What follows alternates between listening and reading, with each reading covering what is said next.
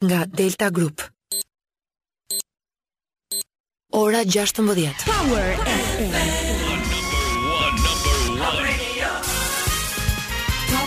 Flash në Top Albania Radio. Informacionet kryesore të ditës. Përshëndetje, këto janë lajmet e orës 16. Përshëndetje.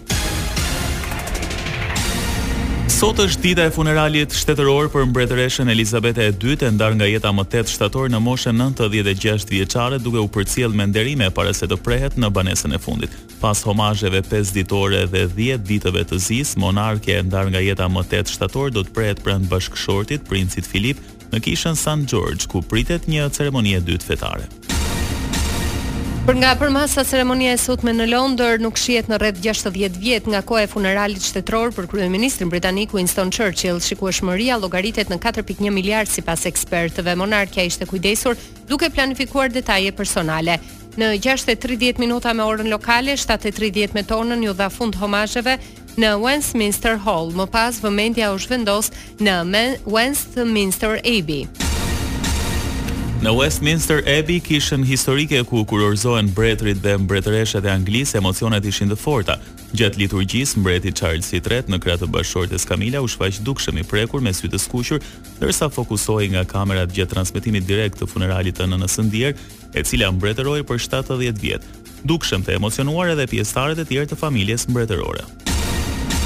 Në drejtimin e shërbesës ishin klerikët e lartë David Hoyle dhe Justin Welby, të cilët vunë në dukje se vetëm pak liderë kanë marrë kaq shumë dashuri. Sipas tyre, Elizabeta e Dytë ia kushtoi jetën shërbimit ndaj kombit dhe Commonwealth-it. Nuk mbeti jashtë vëmendjes as mesazhi i famshëm We'll meet again, Do të takohemi sërish, fjalë që monarkja ua drejtoi qytetarëve në kulmin e mbylljes nga pandemia koronavirus. Më tej vunë në dukje se me admirim kujtojnë përgjegjshmërinë që e karakterizonte. Shërbesa u mbyll me dy minuta heshtje dhe ekzekutimin e himnit. Pas shërbesës fetare në Kishën Westminster në prani të dy mijë të ftuarve, mes tyre edhe pesëqind liderë e personalitete botërore, kortezhi funebër që shoqëroi arkëmortin iu drejtua Wellington Arch-it duke përshkuar disa rrugë të Londrës që u populluan nga një milion vetë. Më pas, makina e familjes mbretërore me arkivolin e monarkes udhëtoi për në kështjellën Windsor, e ndjekur nga pjesëtarë të Buckingham Palace me në krye mbretin Charles. Për shkak të raporteve të tensionuara, Mbretëria e Bashkuar ftoi ambasadorët e jo presidentët e disa shteteve si të Iranit, Nikaraguas e Koresë së Veriut për të qenë në funeralin e mbretëreshës. Rusia dhe Bjellorusia nuk morën asnjë ftesë për shkak të pushtimit rus të Ukrainës, nuk u ftuan as liderët talebanë afganë dhe as ata të Myanmarit, Sirisë e Venezuelës. Mbi dhjetë mijë policë janë dislokuar në Londër për të ofruar siguri, e jo vetëm, në detyrë janë dhe qindra vullnetarë e pjesëtarë të ushtrisë britanike. Për shkaqe sigurie autoritetet në Londër ndaluan fluturimin e përkohshëm të dronëve, fluturime nuk ka as në aeroportin Heathrow që të mos shkaktohen zhurma, në respekt të monarkes së ndarë nga jeta. Gjithçka përmbyllet në mbrëmje kur në prani të familjarëve Elizabeta e Dytë përcillet në banesën e fundit për t'u prehur pranë bashkëshortit, dukës së Edimburgut në kishën San Xhorxh. Në pllakën e mermerit janë gdhendur emri e vitet e lindjes e të vdekjes një mijë e nëntëqind e njëzet e gjashtë dy mijë e njëzet e dy. Lajmet në internet në adresën www.topalbaniaradio.com. Njëzet e nëntë demokratë, jo të grupit të Berishës, ishin në Gjykatën Kushtetuese për të paditur Bordin e Përcaktimit të Çmimeve të Produkteve Ushqimore me argumentin se në dy vite produktet e shportës janë rritur me shtatëdhjetë e gjashtë pikë shtatë përqind, sipas tyre dy paketat e rezistencës së qeverisë janë të pamjaftueshme sidomos për të pamundurit. Kjo është padia e dytë kundër bordeve të transparencës. Brenda dhjetë ditësh Partia Socialiste do të depozitojë në Kuvend propozimin për ndryshime në ligjin për partitë politike si dhe në kodin zgjedhor për të pamundësuar bashkëpunëtorët e ish-sigurimit të shtetit që të jenë në politikë aktive.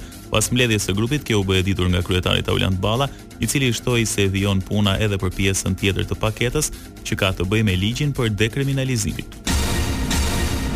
Kryeministri Rama u bën thirrje qytetarëve shqiptarë që të ndalojnë kalimin e kanalit anglez me varka të vogla, ndërsa rreth 2000 vetë janë grumbulluar në veri të Francës gati për udhëtimin e rrezikshëm. Një artikull i The Telegraph citon apelin e Ramës drejtuar të rinjve që paratë t'i investojnë në bizneset e turizmit rural.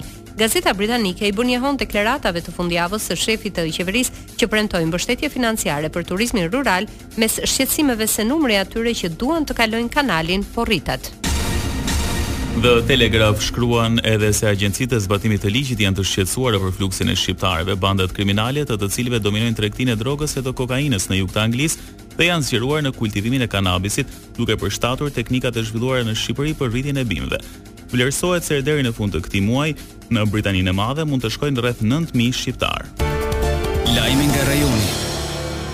Kryeministri Albin Kurti ka qenë i informuar nga Agjencia e Kosovës për Inteligjencën AKI se pati një plan për atentat ndaj tij në vitin 2021. Në njoftimin e zyrës së shefit të qeverisë thuhet. Institucionet e sigurisë morën të gjitha masat për parandalimin e këtij veprimi. Rasti nuk është bërë publik për të mos përhapur panik.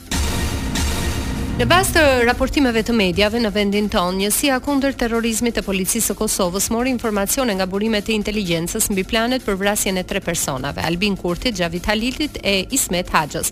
Haliti, deputet i subjektit opozitar Partia Demokratike e Kosovës, konfirmoi për mediat vendase se ka pranuar informacione për kërcënime ndaj jetës së tij. Ndërkohë Ismet Haxha është ish pjesëtar i Shërbimit Informativ të Kosovës. Siç theksohet në dokumentin të cilit i referohen mediat, vrasja e këtyre tre figurave ishte planifikuar me qëllim destabilizimin e Kosovës. Ky dokument u publikua nga hakerat më 15 korrik ku sulmuan faqet online të institucioneve shqiptare, ndërsa disa ditë më parë sistemin TIMS Shqipëria ka fajësuar Iranin se qëndron pas tyre dhe ndërpreu marrëdhëniet diplomatike me Republikën Islamike. Me në krye informacionet në lidhje me funeralin e mbretëreshës Elizabeta e dytë e ndarë nga jeta më 8 shtator dhe për të cilin do të vazhdojmë t'ju mbajmë të informuar në Top Albania Radio, mbyllim këtu edicionin qendror të lajmeve. Edicioni informativ i radhës do të jetë në orën 17. Unë jam Doriana Lato. Unë jam Edi Hallaçi. Kjo është Top Albania Radio.